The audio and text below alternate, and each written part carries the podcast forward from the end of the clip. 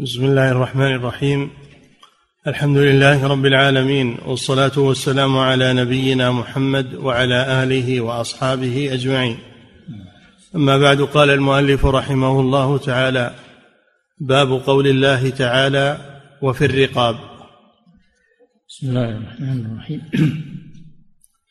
الحمد لله والصلاة والسلام على رسول الله وعلى آله وأصحابه. الله جل وعلا ذكر أهل الزكاة مستحقين لها الذين لا يجوز صرفها في غيرهم. في قوله إنما الصدقات للفقراء والمساكين والعاملين عليها والمؤلفة قلوبهم وفي الرقاب والغارمين وفي سبيل الله وابن السبيل فريضة من الله والله عزيز حكيم. هذه ثمانية أصناف. لا تصرف الزكاة في غيرهم. قد وصلنا إلى قوله جل وعلا وفي الرقاب والمراد بالرقاب المماليك. يعتقون من الزكاة يجوز اشتراؤهم من الزكاة وإعتاقهم.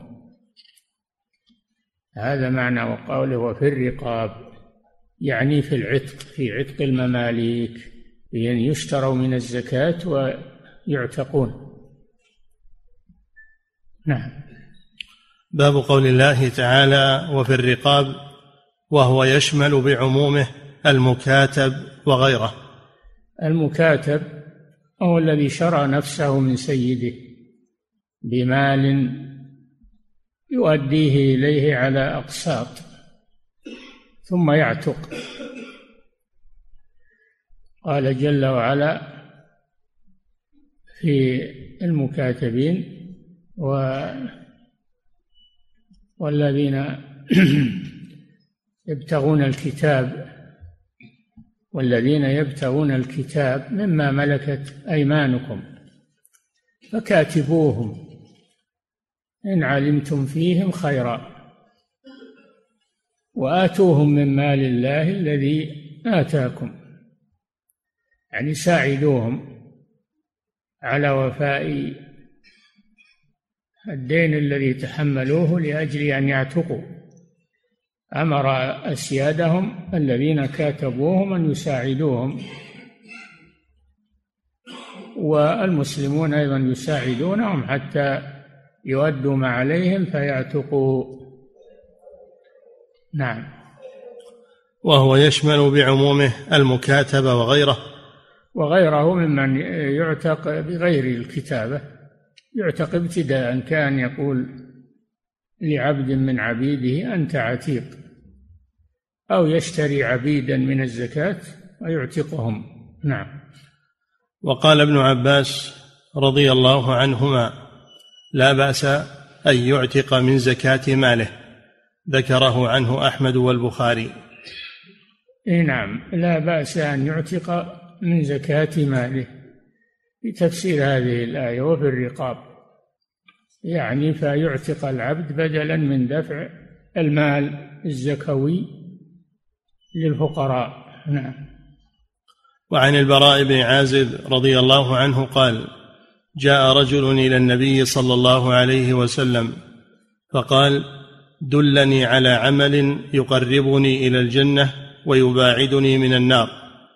فقال أعتق النسمة وفك الرقبة. قال يا رسول الله أوليس واحدا؟ قال لا عتق النسمة أن أن تفرد بعتقها وفك الرقبة أن تعين في ثمنها. رواه أحمد والدار قطني. أي نعم. أعتق الرقائق أعتق له؟ النسمة. النسمة يعني النفس المملوكة. أعتق النسمة يعني النفس المملوكة. العتق فيه فضل عظيم من وجوه الخير لأن فيه إخراجا للمملوك من الرق إلى الحرية وفيه أيضا توسعة على المملوك بأن يعبد ربه وأن يتصرف لنفسه بدل أن يكون مملوكا. ويكون تصرفه لمالكه. نعم. دلني على عمل يقربني إلى الجنة ويباعدني من النار فقال أعتق النسمة وفك الرقبة. قال يا رسول الله أوليس واحدا؟ قال لا عتق النسمة أن تفرد بعتقها وفك الرقبة أن تعين في ثمنها. رواه أحمد والدار قطني.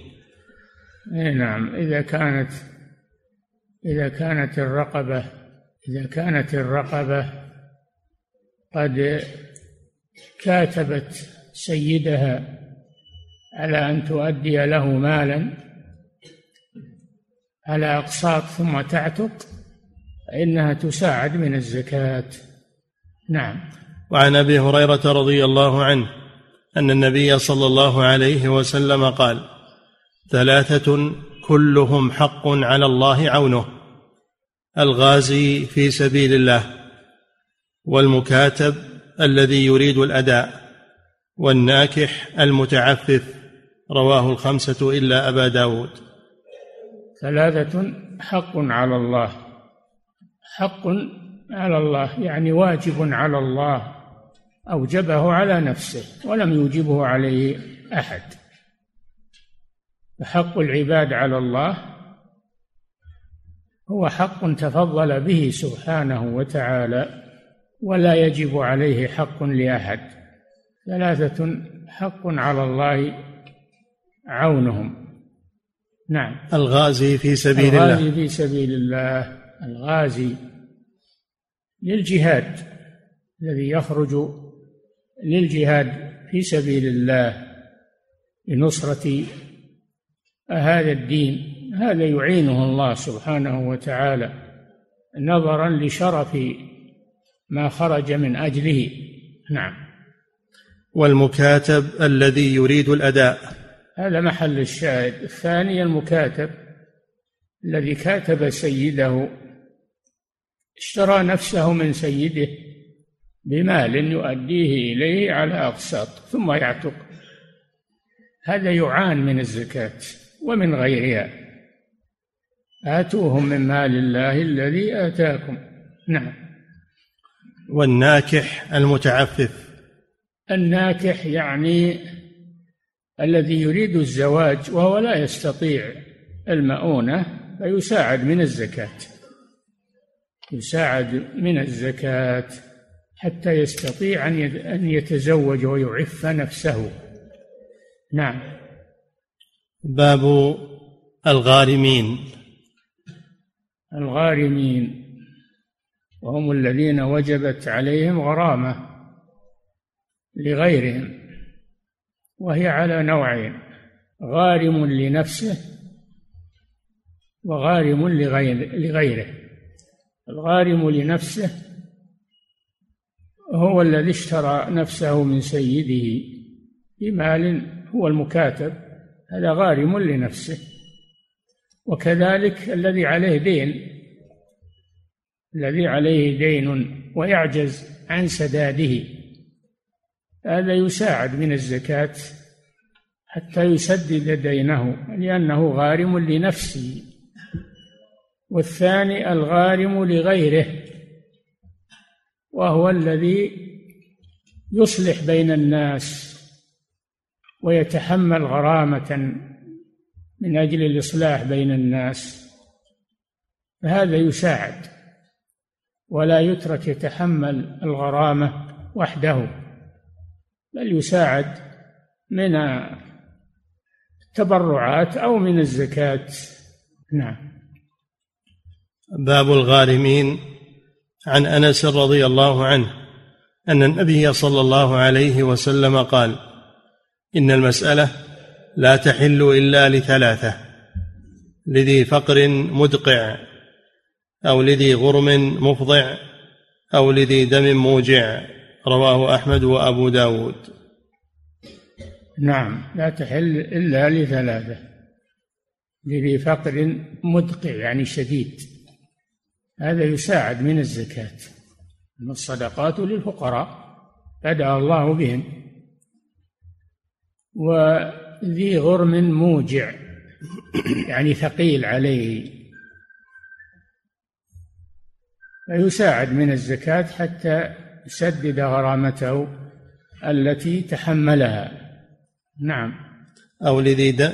لذي غرم مفضع أو لذي دم موجع. أو لذي دم موجع. يعني أنه قتل نفسا وعفى أهله أهل القتيل إلى الدية عفى أهل القتيل عن القصاص إلى الدية وهذه تكون على الجاني لا تتحملها العاقلة. دية العمد تكون على الجاني ولا تتحملها عنه عاقلته. إذا كان فقيرا يساعد من الزكاة. نعم. وعن قبيصة ابن مخارق الهلالي. قال تحملت حماله فأتيت رسول الله صلى الله عليه وسلم أسأله فيها. تحملت حمالة يعني غرامة حمالها الغرامة. نعم. فأتيت رسول الله صلى الله عليه وسلم أسأله فيها فقال يعني أسأله أن يساعدني في تسديد هذه الغرامة. نعم. فقال أقم حتى تأتينا الصدقة فنأمر لك بها. أقم عندنا انتظر حتى تأتينا الصدقة يعني الزكاة فنأمر لك بها. هذا دليل على صرف الزكاة للغارم. نعم. ثم قال يا قبيصة إن المسألة لا تحل إلا لأحد. إن المسألة لا تحل لأحد إلا لأحد ثلاثة. رجل تحمل حمالة فحلت له المسألة حتى يصيبها ثم يمسك. نعم تحمل الغرامة تحمل حمالة يعني تحمل غرامة ولا يستطيع تسديدها فيأخذ من الزكاة حتى يسددها ثم يمسك ولا يأخذ زيادة على ذلك. نعم. ورجل أصابته جائحة اجتاحت ماله فحلت له المسألة حتى يصيب قواما من عيش. نعم. الثاني رجل له مال غني فأصابته جائحة. أصابته جائحة يعني آفة. أهلكت ماله. فأصبح فقيرا بدل أن كان غنيا. فهذا تحل له المسألة حتى حتى تنسد حاجته ثم يمسك قواما من عيش أو سدادا من عيش ثم يمسك. السؤال على قدر الحاجة ولا يجوز أن يسأل أحد من غير حاجة هذا حرام. وعليه وعيد شديد أن يسأل الناس من غير حاجة. إنما السؤال بقدر الحاجة فإذا تسددت حاجته فإنه يمسك. نعم. فحلت له المسألة حتى يصيب قواما من عيش أو قال سدادا من عيش ورجل السداد السداد من العيش هو القوام يعني حتى يجد ما يكفيه. نعم. ورجل أصابته فاقة. حتى يقول ثلاثة من ذوي الحجى من قومه لقد أصابت فلانا فاقة. فحلت نعم, نعم. ثاني آه، رجل أصابته فاقة. يعني هو غني لكن أصابته جائحة فأتلفت ماله. هذا لا بد أن يأتي بثلاثة شهود يسمون شهود العسرة. شهود العسرة ثلاثة. ما يجزي إلا ثلاثة منها لأنه كان معروفا بالغنى ثم صار يسأل والجائحة هذه ما كل الناس يطلعون عليها فلا بد من شهادة أن يأتي بشهادة ونصابها ثلاثة شهود. يشهدون لقد أصابت فلان فاقة لقد أصابت فلان فاقة. فيعطى إذا شهدوا يعطى من الزكاة حتى يسدد حاله ثم يتوقف عن السؤال. نعم. ورجل أصابته فاقة حتى يقول ثلاثة من ذوي الحجى من قومه لقد أصابت فلانا فاقة. فحلت له المسألة حتى يصيب قواما من عيش أو قال سدادا من عيش. فما سواهن من المسألة يا قبيصة فسحت يأكله فسحت يأكلها صاحبها سحتا. أي نعم هذا فيه تحريم المسألة من غير حاجة وأنها سحت يعني حرام. إذا أخذ مالا بالسؤال وهو غير محتاج فهذا المال حرام عليه سحت. نعم. رواه أحمد ومسلم والنسائي وأبو داود. باب الصرف في سبيل الله وابن السبيل. في سبيل الله يعني في الجهاد. جهز منها الغزاة في سبيل الله الذين ليس لهم رواتب من بيت المال. أما الجنود الذين لهم رواتب من بيت المال فلا يعطون من الزكاة تكفيهم رواتبهم. إنما هذا في المجاهدين الذين ليس لهم رواتب من بيت المال فيساعدون من الزكاة. نعم. باب الصرف في سبيل الله وابن السبيل. ابن السبيل هو المسافر الذي نفدت نفقته في أثناء الطريق أو ضاعت أو سرقت فيعطى ما يوصله إلى بلده وإن كان غنيا في بلده يعطى حتى يتوصل بذلك إلى مواصلة سفره والوصول إلى بلده. نعم. عن أبي سعيد رضي الله عنه قال قال رسول الله صلى الله عليه وسلم لا تحل الصدقة لغني إلا في سبيل الله. أو ابن السبيل أو جاء. لا تحل الصدقة لغني. حرام عليه إنه يسأل عنده ما يغنيه. ما هو بالغني اللي عنده ملايين أو مليارات. لا اللي عنده ما يكفيه. اللي عنده ما يكفيه فلا يجوز له أن يسأل. ما يكفيه لقوته. فيعطى ما يكفيه لنفقته من الزكاة. نعم. لا تحل الصدقة لغني إلا في سبيل الله. إلا في سبيل الله فالغازي يعطى الذي ليس له راتب من بيت المال وإن كان غنيا وله مال يعطى من الزكاة. لأن في يعني هذا المصرف المصرف في الغزاة. فيجوز للغازي أن يأخذ الزكاة إذا لم يكن له مرتب من بيت المال لأجل أن يغزو في سبيل الله ولو كان له مال وهو غني. نعم. لأن الله قال وفي سبيل الله. نعم. لا تحل الصدقة لغني إلا في سبيل الله أو ابن السبيل.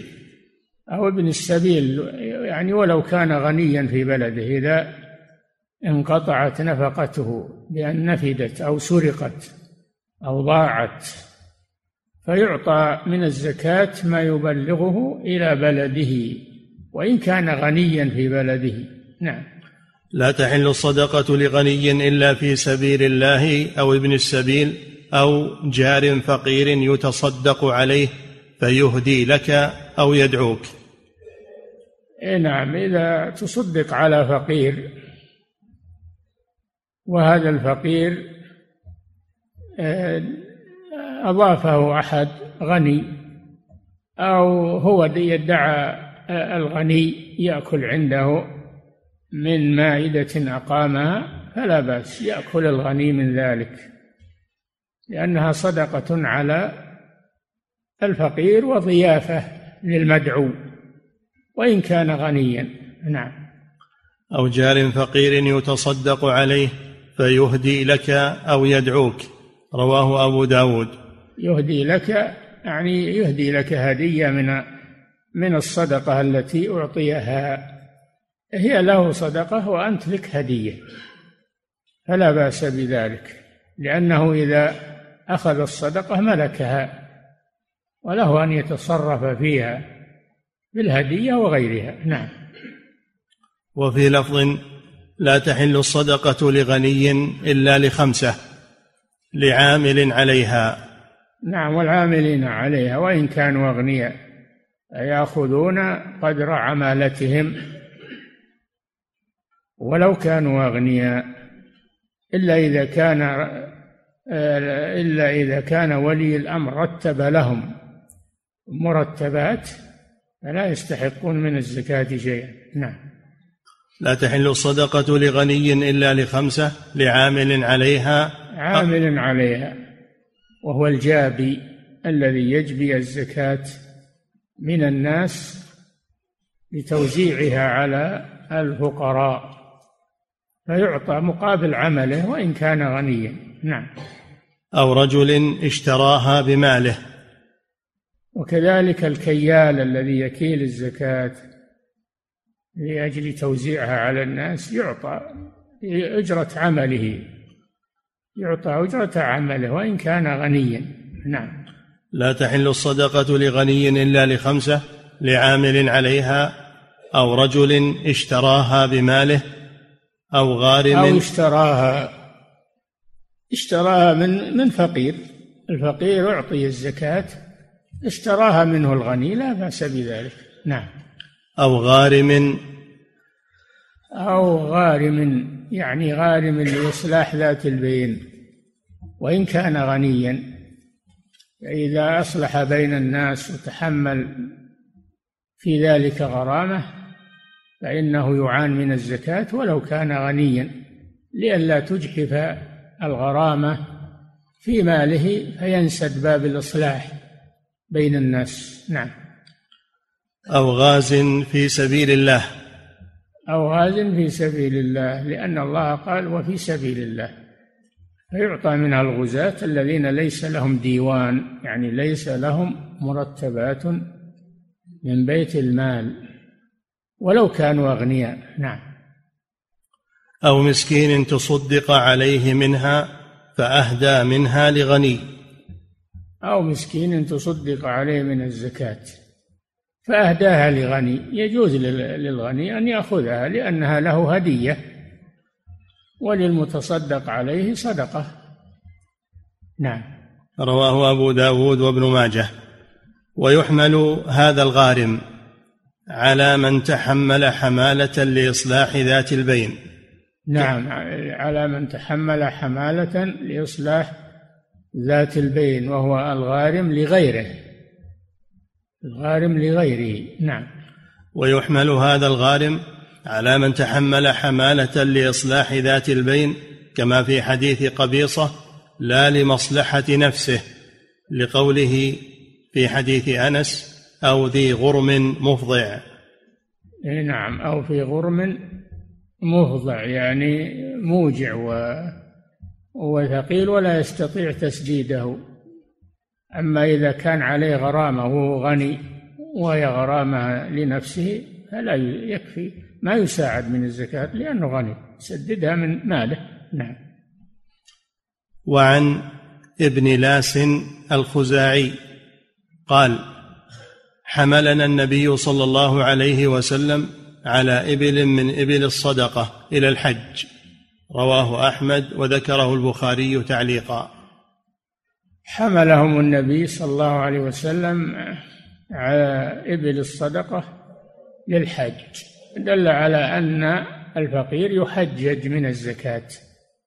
أن الفقير الذي لا يستطيع الحج أنه يحجج من الزكاة لأن الحج من الجهاد في سبيل الله. نعم.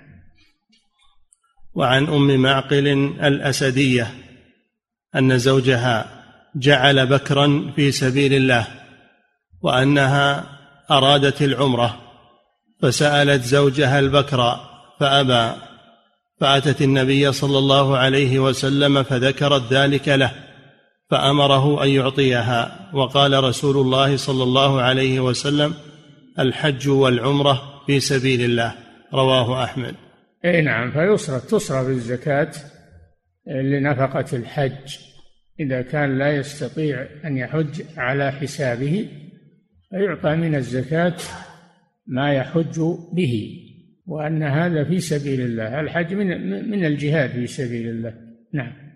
وعن يوسف ابن عبد الله بن سلام عن جدته أم معقل قالت لما حج رسول الله صلى الله عليه وسلم حجة الوداع وكان لنا جمل فجعله أبو معقل في سبيل الله وأصابنا مرض وهلك أبو معقل وخرج النبي صلى الله عليه وسلم فلما فرغ من حجه جئته فقال يا أم معقل ما منعك أن تخرجي؟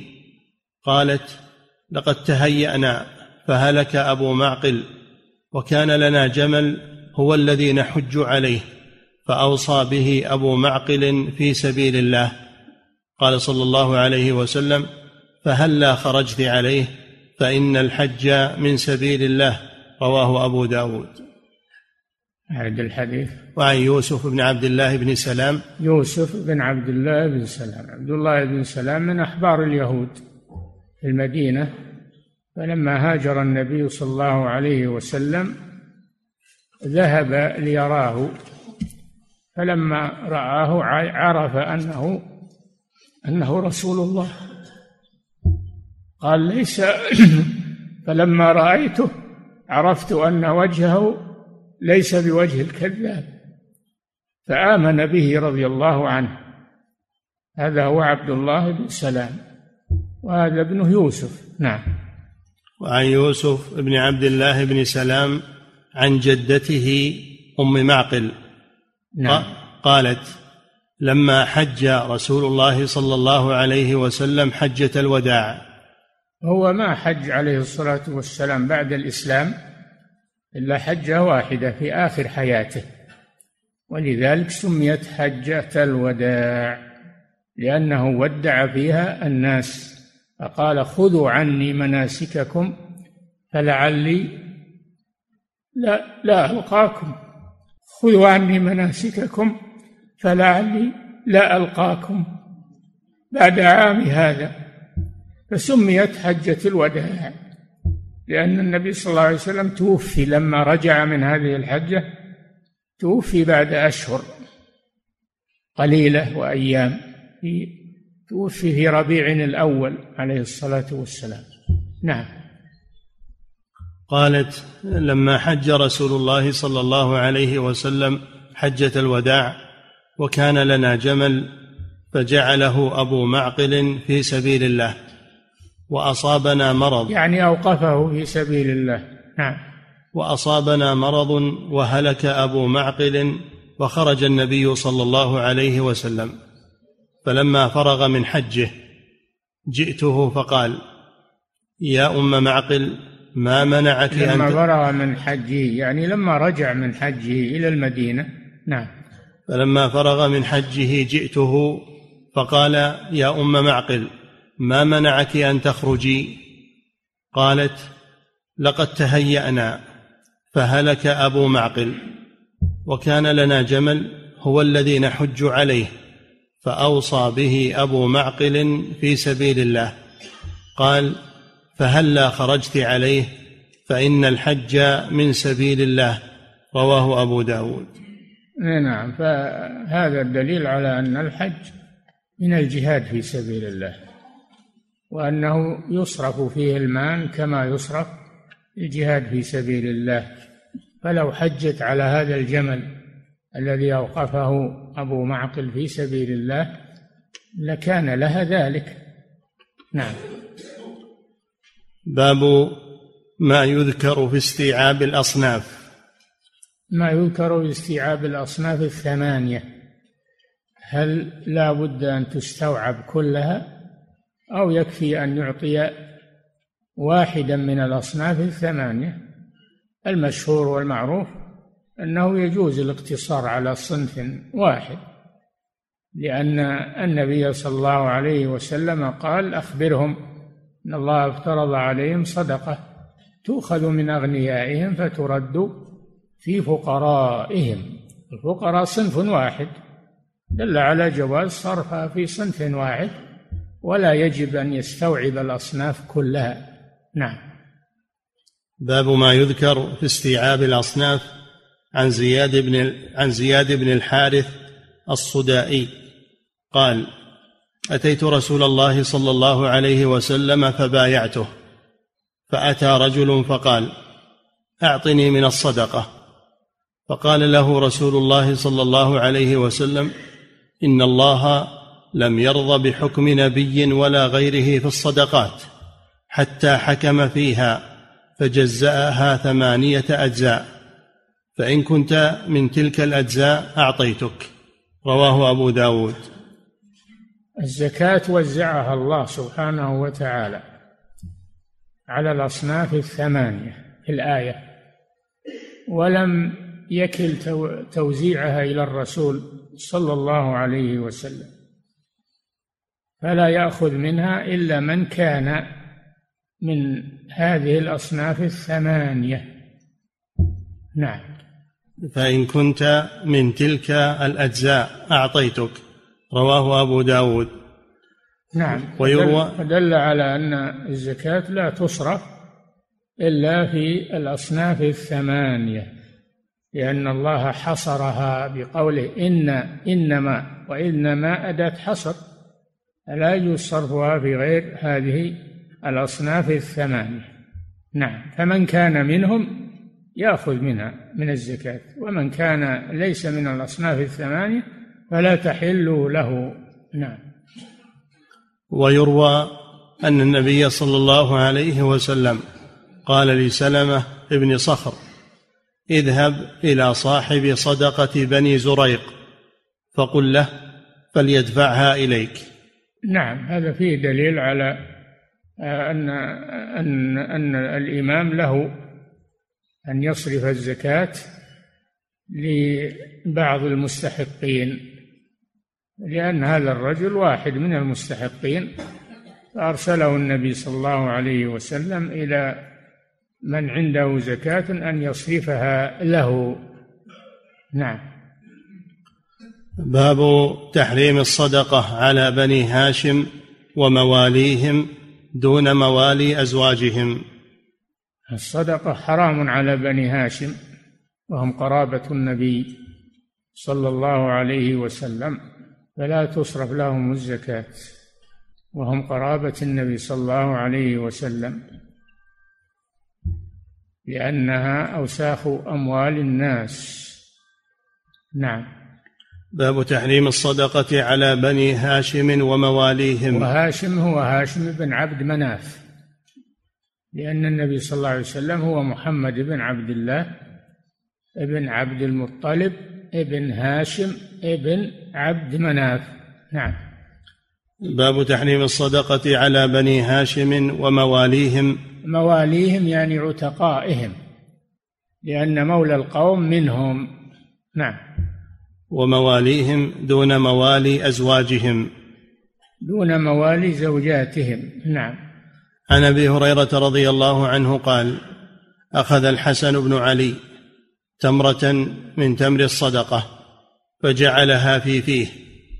فقال رسول الله صلى الله عليه وسلم كخ كخ ارم بها. أما علمت أنا لا نأكل الصدقة. متفق عليه. نعم الحسن بن علي بن أبي طالب رضي الله عنهما أخذ تمرة من الصدقة. الصدقة مجموعة من التمر ليوزعها الرسول صلى الله عليه وسلم على الفقراء. فجاء ابن بنته الحسن فاخذ تمرة طفل صغير أخذها فمضغها فأمره النبي صلى الله عليه وسلم أن يلفظها وقال أما علمت أن الصدقة لا تحل لبني هاشم؟ نعم. أما علمت أنا لا نأكل الصدقة متفق عليه ولمسلم أن لا تحل لنا الصدقة. نعم. لأنها أوساخ أموال الناس. نعم. وعن أبي رافع مولى رسول الله صلى الله عليه وسلم بعث رجلا من بني مخزوم على الصدقة. فقال لأبي رافع اصحبني كيما نصيب منها.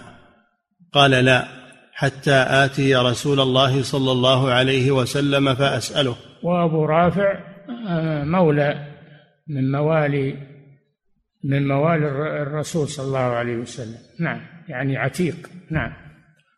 قال لا حتى آتي رسول الله صلى الله عليه وسلم فأسأله وانطلق فسأله فقال إن الصدقة لا تحل لنا وإن موالي القوم من أنفسهم. موالي القوم يعني عتقاء القوم من أنفسهم مولى القوم منهم.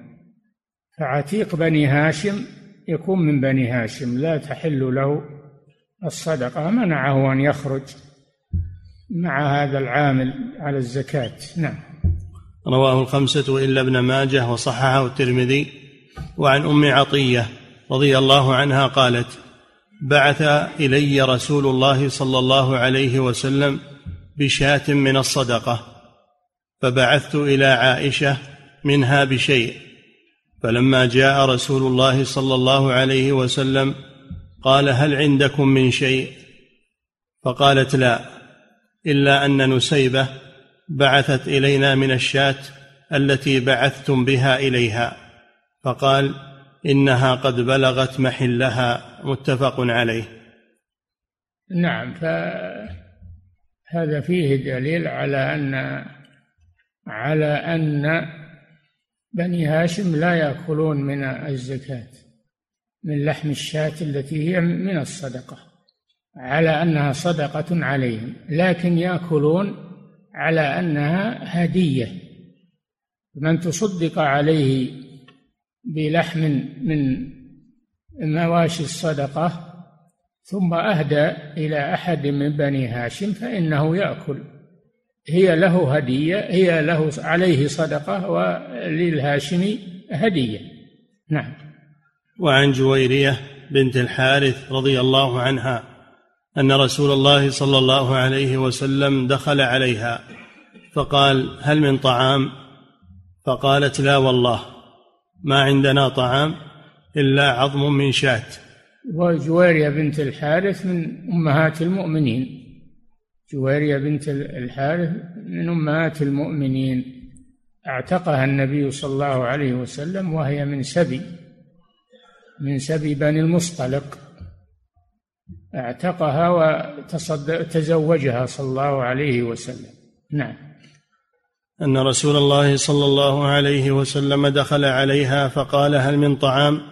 فقالت لا والله ما عندنا طعام إلا عظم من شاة أعطيتها أعطيتها مولاتي أعطيتها مولاتي من الصدقة.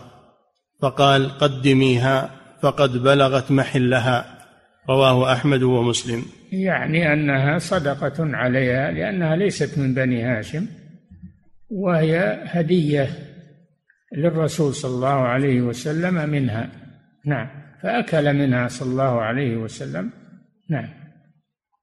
باب نهي المتصدق أن يشتري ما تصدق به.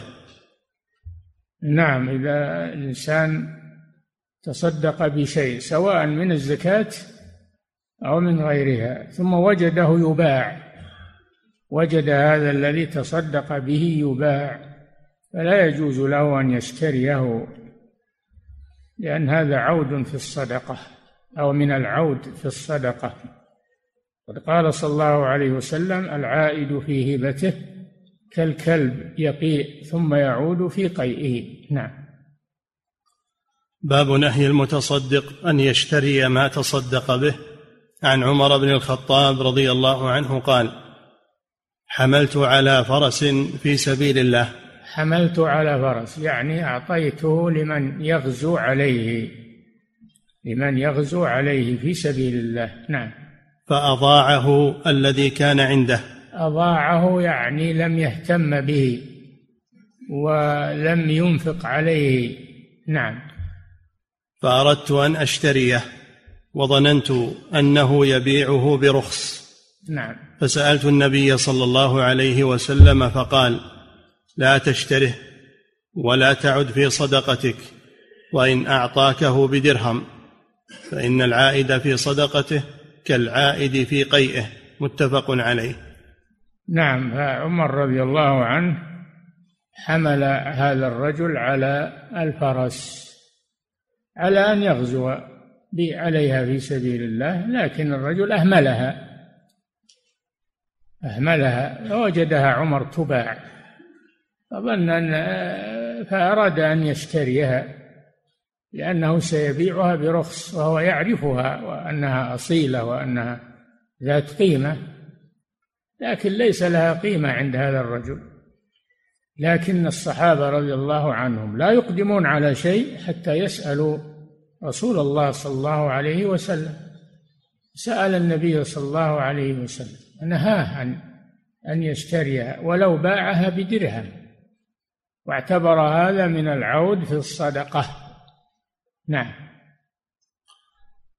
وعن ابن عمر أن عمر حم... الحديث إيه؟ وعن عمر بن الخطاب قال حملت على فرس في سبيل الله فأضاعه الذي كان عنده فأردت أن أشتريه وظننت أنه يبيعه برخص فسأل إيه؟ فسألت نعم. النبي صلى الله عليه وسلم فقال لا تشتره ولا تعد في صدقتك وإن أعطاكه بدرهم فإن العائد في صدقته كالعائد في قيئه متفق عليه. إي نعم. فإذا باع فإذا أعطى رجلا شيئا وتصدق عليه بشيء هذا المتصدق عليه أراد أن يبيع ما تصدق به عليه. فلا يجوز للمتصدق أن يشتريه لأن هذا عود في الهبة.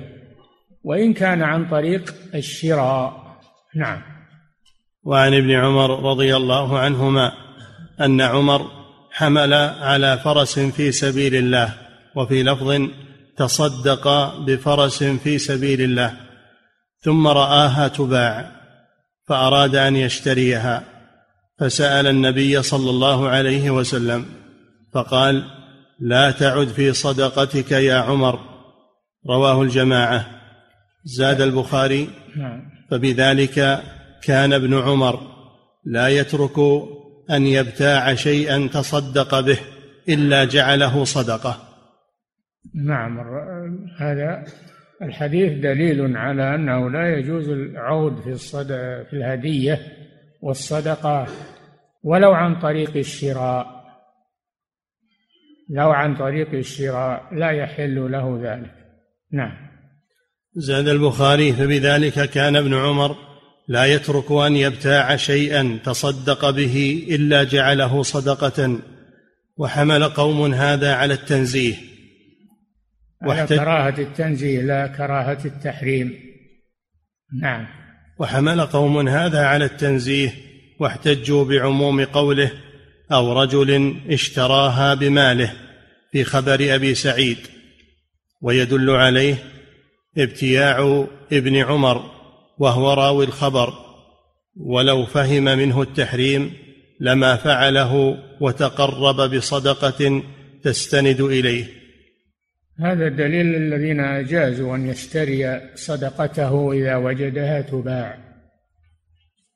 هذا قول من أقوال أهل العلم. نعم. باب فضل الصدقة على يكفي.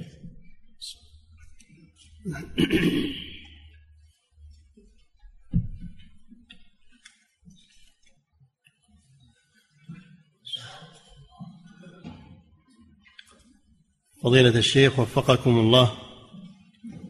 يقول السائل هل يدخل في قوله تعالى وفي الرقاب شراء الأسرى المسلمين من الكفار ليطلقوهم؟ لا. الرقاب يعني المملوكة يشتريها وليعتقها أما في الرقاب يعني في الديات لا. ما هو هذه ما هي في الرقاب هذه في تدخل تدخل في الغرامات. نعم الغارمين. نعم. فضيلة الشيخ وفقكم الله هل يجوز إعطاء من عليه دم من الزكاة ويعتبر من فك الرقبة؟ إذا كان عاجزا عن تسديد الغرامة التي وجبت عليه بالجناية فيساعد من الزكاة. نعم. فضيلة الشيخ وفقكم الله. يقول يشكل علي أن المكاتب يشتري نفسه من سيده مع أنه لا مال مع أنه لا مال له. وإذا كسب المال من عمل فإن هذا المال يرجع للسيد مباشرة. ما يرجع للسيد إلا إذا طلبه أما إذا لم يطلبه فهو للمكاتب. هو للمكاتب يجوز يتصرف فيه. نعم. فضيلة الشيخ وفقكم الله. يقول السائل هل يدخل في قوله تعالى وفي سبيل الله طباعة الكتب الدينية ورواتب الدعاة في سبيل الله؟ لا في سبيل الله خاص بالغزاة ولا يدخل فيها أعمال البر لا فتح المدارس ولا بناية القناطر ولا غير ولا بناء المساجد. هذه من التبرعات وليست من الزكاة. لا يجوز صرف الزكاة فيها. نعم. فضيلة الشيخ وفقكم الله يقول السائل إذا طلب أولياء الدم مبالغ طائلة جدا كعشرين مليون مثلا وقد حصل ذلك يقول هل يحل لهم المطالبة بمثل هذا المبلغ؟ ثم هل يعطى القاتل من الزكاة بسبب هذه المبالغ؟ اي نعم. هذا حق لهم. إذا عفوا عفوا عن القصاص إلى الدية. إذا عفوا عن القصاص إلى الدية والدية هي ما يدفع في مقابل في مقابل الدم. فلهم ذلك لأن الحق لهم.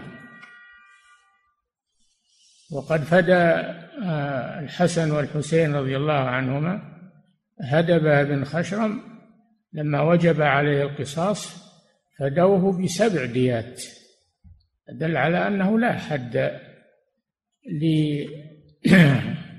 لا حد للغرامة التي في مقابل الصلح عن الدم.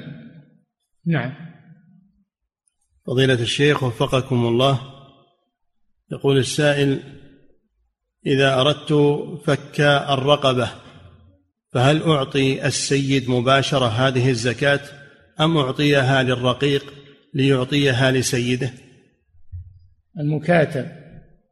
ما هو الرقيق المكاتب يعني. تعطيها للمكاتب الذي عليه نجوم للكتابة تعطيها له وهو يدفعها لسيده. ولا, ولا أنت إذا رأيت إنسان مدين وعاجز عن التسديد. فلا تذهب إلى الدائن وتعطيه زكاتك. تقول هذا عن فلان. لا أعطاها الفقير وهو يعطيها. أعطاها الفقير المدين وهو يعطيها للدائن نعم. فضيلة الشيخ وفقكم الله يقول السائل هل هناك فرق بين قوله صلى الله عليه وسلم أصابته جائحة وبين أصابته أصابته فاقة. لا لا فرق في ذلك. يعني كان غنيا فأصابته مصيبة يعني نازلة من السماء أتلفت ماله إما غرق وإما حريق وإما آفة اجتاحت ماله. نعم. فضيلة الشيخ وفقكم الله. يقول السائل ما الأفضل إعطاء الزكاة للأقارب الفقراء الذين لا تجب علي نفقتهم أم أعطيها للجار الفقير؟ الأقارب أولى الاقارب المحتاجون أولى بذلك لأنها عليهم صدقة وصلة. نعم. فضيلة الشيخ وفقكم الله يقول السائل خالتي زوجها رجل شحيح لا يعطيها من المال ما يكفيها. هل يجوز لي أن أعطيها من الزكاة؟ خالته؟ نعم. وهي عليها حاجة؟ إذا كان عليها حاجة وزوجها لا يعطيها فتعطيها ما يكمل حاجتها من الزكاة. صدقة وصلة. نعم. فضيلة الشيخ وفقكم الله يقول السائل يقول من وضع ماء في المسجد فهل له أن يشرب منه؟ لأن هناك من ينوي بأن هذا الماء صدقة فهل لو شرب منه يكون بمثابة العائد في هبته؟ لا يشرب ويروى بعد ما يخالف. نعم. فضيلة الشيخ وفقكم الله يقول السائل إذا كان الدين المفضع إذا كان الدين المفضع على شخص بسبب سوء تصرفه من فعل ما فهل يعطى مثلها؟ إذا كان إذا كان الدين المفضع يقول على شخص بسبب سوء تصرفه من فعل ما هل يعطى من الزكاة؟ من فعل ما. إيه. فهل يعطى من الزكاة؟ إيه نعم يعطى من الزكاة. ما دام لزمته غرامة وهو عاجز عنها فيعطى من الزكاة. ويناصح عن قضية آه، إهمال المال أو الإسراف فيه ينهى عن ذلك. نعم. فضيلة الشيخ وفقكم الله. وهذا سائل يقول يقول إن والده بخيل جدا مع غناه ولا يعطي الوالدة ما يكفيها فهل لها أن تأخذ من زكاة أموال الناس؟ هذا سبق الجواب عنه إنه إذا لم ينفق عليها وتعذر مطالبته بذلك لكن بدل أنها بدل أنها تطلب الزكاة تقيم عليه دعوة عند القاضي لأنه مقصر في نفقتها. نعم. فضيلة الشيخ وفقكم الله يقول السائل هل يجوز لي أن أصرف الزكاة لفقراء؟ لم يحجوا حجة الإسلام؟ اي نعم لأن الحج في سبيل الله كما سمعتم في الأحاديث نعم. وكذلك حفظك الله إذا كان الحج نافلة وليس حج فريضة فهل أعطيه من الزكاة ليحج؟ لا تعطى لحج الفريضة فقط. نعم. فضيلة الشيخ وفقكم الله يقول السائل هل يجوز أن يدفع الزوج زكاته إلى أولاد زوجته من غيره علما أنهم يسكنون معه وينفق عليهم. إذا كان ينفق عليهم وقائما بحاجتهم فلا يعطيهم من الزكاة لأنهم تسددوا بما ينفق عليهم ويعطيهم. نعم. فضيلة الشيخ وفقكم الله يقول السائل هل يجوز لي أن أعطي السائق الذي يعمل عندي أو الخادمة من زكاة مالي علما أن الراتب لا يكفيهم هم وأولادهم هناك؟ إذا كان مسلما وفقيرا ولا يكفيه الراتب فتعطيه من الزك من زكاتك لا لأجل أن ترغبه في العمل عندك. إن كانت تريد بهذا أن ترغبه في العمل عندك فإنها لا تجوز ولا تجزي. أما إن كان تعطيه إياها على أنه محتاج سواء كان عندك أو عند غيرك فلا بأس بذلك. نعم. فضيلة الشيخ وفقكم الله يقول السائل بعض العاملين تتأخر رواتبهم لمدة شهرين أو أكثر فيكونون في حاجة شديدة للمال لهم ولأولادهم مع أنهم سيصبحون غير محتاجين إذا حصلوا على تلك الرواتب. فهل يجوز أن يعطى هؤلاء من الزكاة؟ نعم أو من الزكاة. إذا كان يتأخر صرف رواتبهم وهم بحاجة وأنت عندك زكاة فاعطهم قدر ما يسد حاجتهم. نعم. فضيلة الشيخ وفقكم الله. يقول الذي عنده قوت يومه وعنده ملابسه وسكنه لكن ليس عنده الثلاجة أو السيارة التي يحتاج إليها. فهل يعطى من الزكاة لتحصيل هذا؟ لا هذه كماليات هذه كماليات. القوت الضروري إنما يعطى للقوت الضروري. أما الكماليات إن أردت أن تساعده من باب التبرع جزاك الله خيرا. نعم. فضيلة الشيخ وفقكم الله ذكرتم حفظكم الله أن النبي صلى الله عليه وسلم بعد هجرته لم لم يحج إلا حجة واحدة.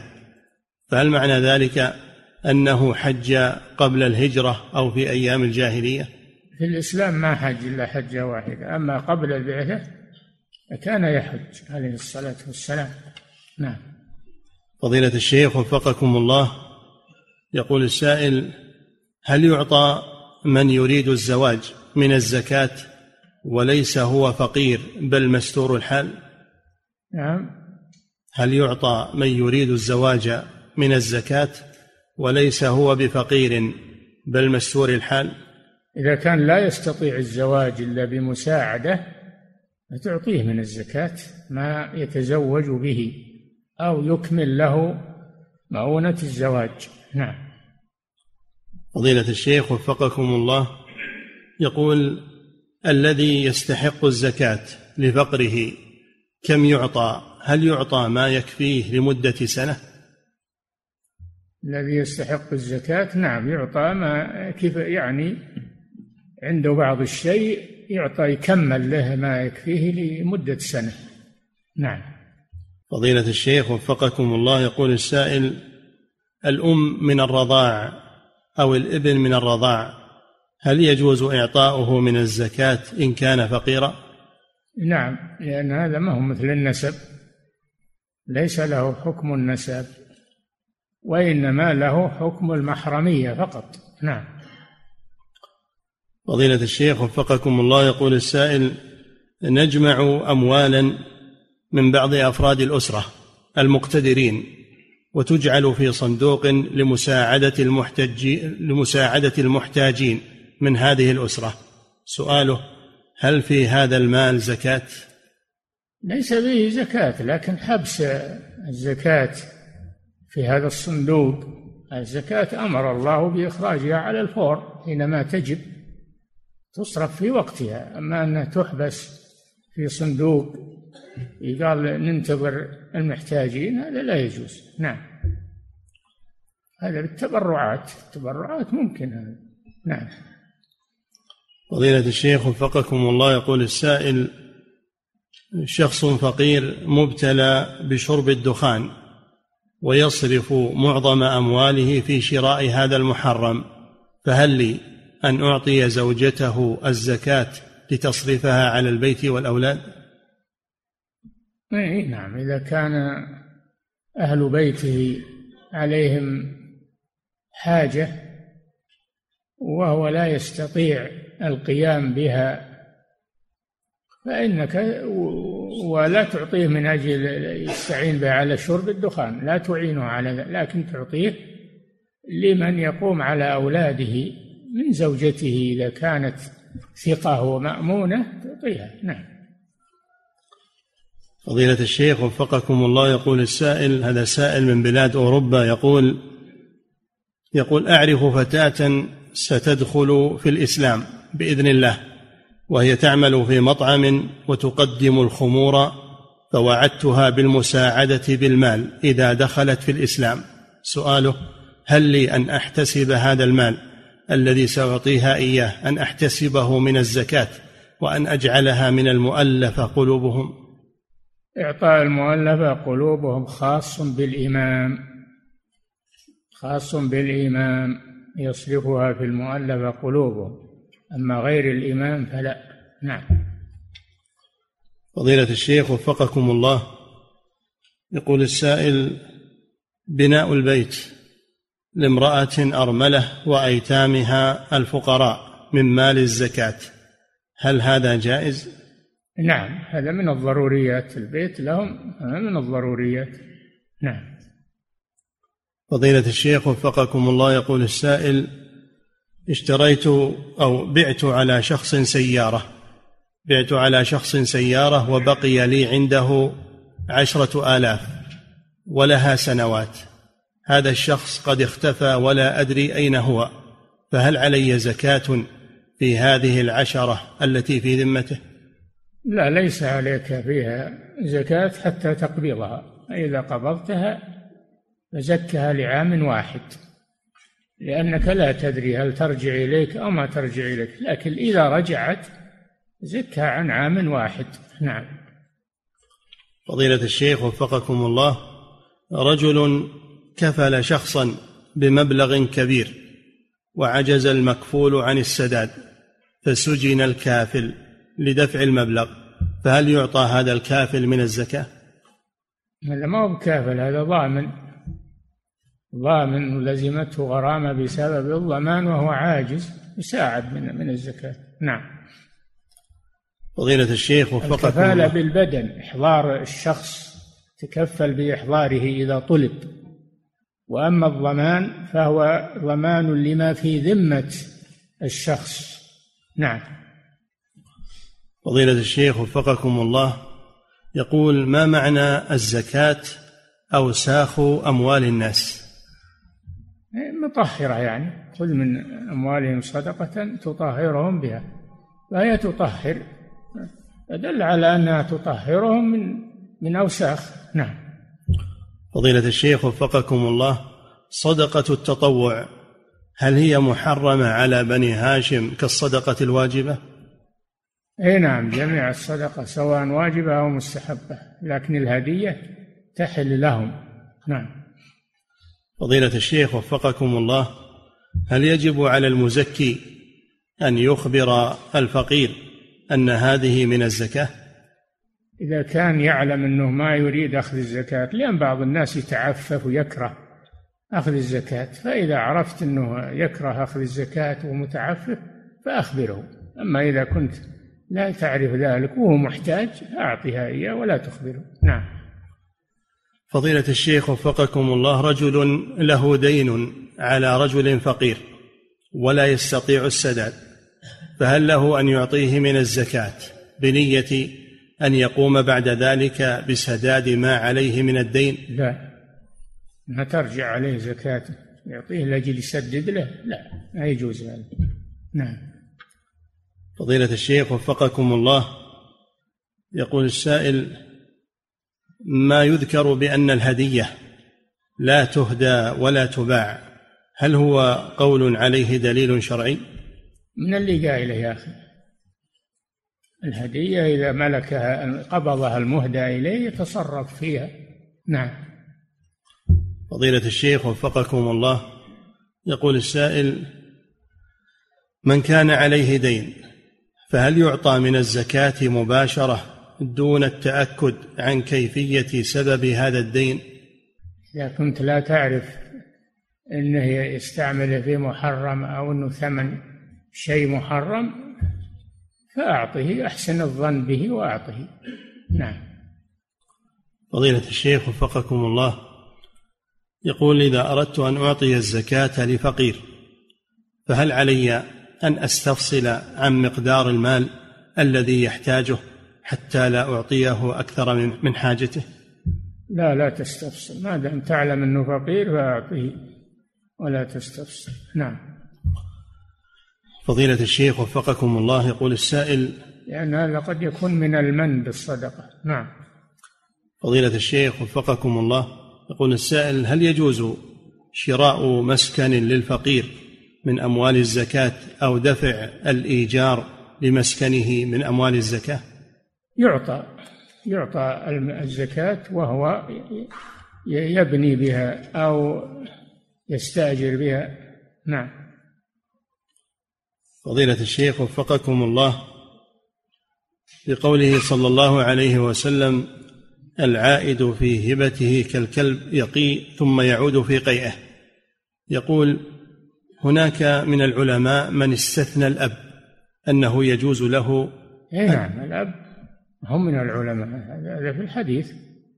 هذا في الحديث أن قوله صلى الله عليه وسلم أنت ومالك لأبيك فللأب أن يأخذ من مال ولده وله أن يرجع في هبته له له أن يرجع في هبته له. نعم. فضيلة الشيخ وفقكم الله يقول هل لبني هاشم أن يأخذوا من الزكاة إذا كانوا من صنف العاملين عليها أو في سبيل الله؟ نعم إذا كانوا غزاة يأخذون ما يأخذه الغزاة من من الزكاة أو كان لأن هذا ما أخذوه لفقرهم أخذوه لعملهم. أو كانوا من العاملين عليها فيأخذون في مقابل عملهم. نعم. فضيلة الشيخ وفقكم الله يقول السائل هل يجوز لي أن أعمل في جمعية خيرية أو جهة خيرية وآخذ نسبة من المبلغ الذي نعم. هل يجوز لي أن أعمل في جمعية خيرية أو جهة خيرية وآخذ نسبة من المبلغ الذي أتحصل عليه من الأغنياء سواء كان من الزكاة أو من غيرها؟ لا من الزكاة لا. لا يحل لك أن تأخذ بمقابل جمعك لها من الأغنياء. بعضهم يقول أنا من العاملين عليها. نقول له لا العاملين عليها اللي يوليهم ولي الأمر. أنت ما ولاك ولي الأمر. أنت اللي وليت نفسك. لا تأخذ منها. نعم. فضيلة الشيخ وفقكم الله يقول السائل أعطيت هدية لصديق لي لكن أخبرت بأنه قد باعها فحزنت لذلك ثم قمت فاشتريتها من ذاك الشخص. فهل هذا جائز؟ وهل يقاس على الزكاة؟ هذا ينطبق عليك. حديث عمر النبي صلى الله عليه وسلم نهاه أن يشتري الفرس التي آه، تصدق بها على على حمل عليها من يجاهد في سبيل الله. فأهملها فأراد عمر أن يشتريها لكن ذهب إلى الرسول وسأله فنهاه عن ذلك. نعم. فضيلة الشيخ وفقكم الله يقول السائل إذا كان الرجل وكيلا في تفرقة الصدقة والزكاة فهل يجوز له أن يبدأ بأقاربه المحتاجين في العطاء فيعطيهم منها؟ لا هذه محاباة هذه محاباة لا تجوز. هو وكيل لا يحابي أقاربه. في ذلك نعم. فضيلة الشيخ وفقكم الله يقول السائل وصلني مبلغ من المال في ظرف موجود عليه اسمي ولا أدري ما مصدره فهل لي أن أتصرف فيه وأن أصرف على نفسي منه؟ نعم. ما في بأس. نعم. فضيلة الشيخ وفقكم الله يقول السائل رجل هجره أخوه ورفض مقابلته أو الرد على اتصالاته فماذا يصنع؟ هل يستمر ويتواصل معه حتى يرد عليه أم يتركه؟ يذهب إليه ويزوره ويطلب منه المسامحة و... وأما أنه يعرض هذا ويعرض هذا فلا يجوز. قال صلى الله عليه وسلم لا يحل لمسلم أن يهجر أخاه فوق ثلاث. يلتقيان فيعرض هذا ويعرض هذا وخيرهما الذي يبدأ بالسلام. اذهب إليه وسلم عليه واتصل به وربما يكون هذا دافعا له في أن يتسامح عما سبق. نعم. فضيلة الشيخ وفقكم الله يقول السائل يقول حفظك الله يقول أشكل علي ما أفتيتم به حفظكم الله في درس سابق من أن المسلم يجوز له أن يقيم في بلاد الكفار ليطلب الرزق. فهل طلب الرزق يعتبر من الضرورة التي اي إيه نعم إذا كان ما يجد عمل يقتات منه ويعيش منه إلا ببلد الكفار له ذلك. أما إذا كان يجد في بلاد المسلمين أعمال تكفيه وتصلح له فلا يجوز له ذلك. نعم. فضيلة الشيخ وفقكم الله يقول السائل هل يجوز أن أشتري من مال الزكاة أن أشتري مواد غذائية ثم أعطيها للفقراء؟ لا. إذا كان الفقير ما يحسن التصرف تخشى أنه يفسدها في غير مصلحة تشتري له حوائج من الزكاة وتدفعها إليه. نعم أما إذا كان إنه إنه إنسان آه، يحسن التصرف فأعطها له وهو يصرفها في حوائجه. نعم. فضيلة الشيخ وفقكم الله. يقول السائل يقول انتشر في بعض المساجد في مدينة الرياض وضع لوحات بحجم الكتاب مكتوب بها أذكار ما بعد الصلاة توضع أمام المصلين في الصف الأول بحيث يكون أمام كل ثلاثة مصلين لوحة. فما حكم هذا العمل؟ هذا لا يجوز ولا يجوز يعلق في المساجد كتابات أو يكتب على الجدران هذا يشغل المصلين. إذا أردت أن أن تعلم المصلين بالأذكار اجلس أمامهم وقل يا إخوان ترى يستحب لكم إذا سلمتم من الصلاة أن تقولوا كذا وكذا وتعلمهم هذا بدل أنك تعلج لوحة أمامهم. هذا يشغلهم عن الصلاة وينظرون بالكتابة فلا يجوز هذا. هذا يجب منعه في المساجد. نعم. فضيلة الشيخ وفقكم الله يقول السائل جاري معروف بالكسب الحرام فإذا دعاني إلى طعام أو وليمة فهل أجيب؟ إذا عرفت أن هذا الطعام أنه من الحرام فلا تجب أما إذا كان عنده حلال وحرام ودعاك فأجب بناء على أنه ليس ما تعين أنه من الحرام. نعم. فضيلة الشيخ وفقكم الله يقول السائل يقول أهديت لزوجتي هاتفا لكنها كانت لا تحسن التصرف فيه فأخذته منها. فهل ينطبق علي حديث عمر؟ إي نعم. لا تأخذه منها نعم. فضيلة الشيخ. تبي تشتريه منه شراء. نعم. فضيلة الشيخ وفقكم الله. يقول هل يجوز الحلف بقول وحياة الله؟ كل صفات الله يجوز الحلف بها وحياة الله من صفاته سبحانه وتعالى الحي القيوم. نعم. فضيلة الشيخ وفقكم الله. يقول السائل هل يجوز للمسلم أن يقوم بالدخول إلى الكنائس والفرجة فيها؟ لا بأس بذلك. لا بأس بذلك. إنك تدخل فيها تنظر فيها ماذا فيها. ما هو من أجل العبادة وإنما من أجل الاطلاع. لا بأس. نعم. فضيلة الشيخ وفقكم الله.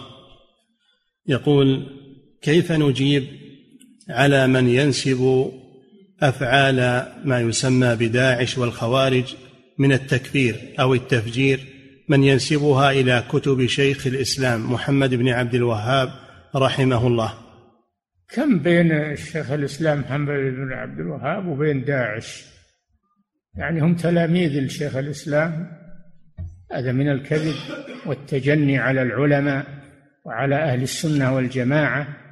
وداعش فرقة محدثة لا تنتسب إلى محمد بن عبد الوهاب ولا إلى غيره من العلماء المحققين. علماءهم عندهم ومنهم. نعم. ما سألوا أهل العلم عن ذلك.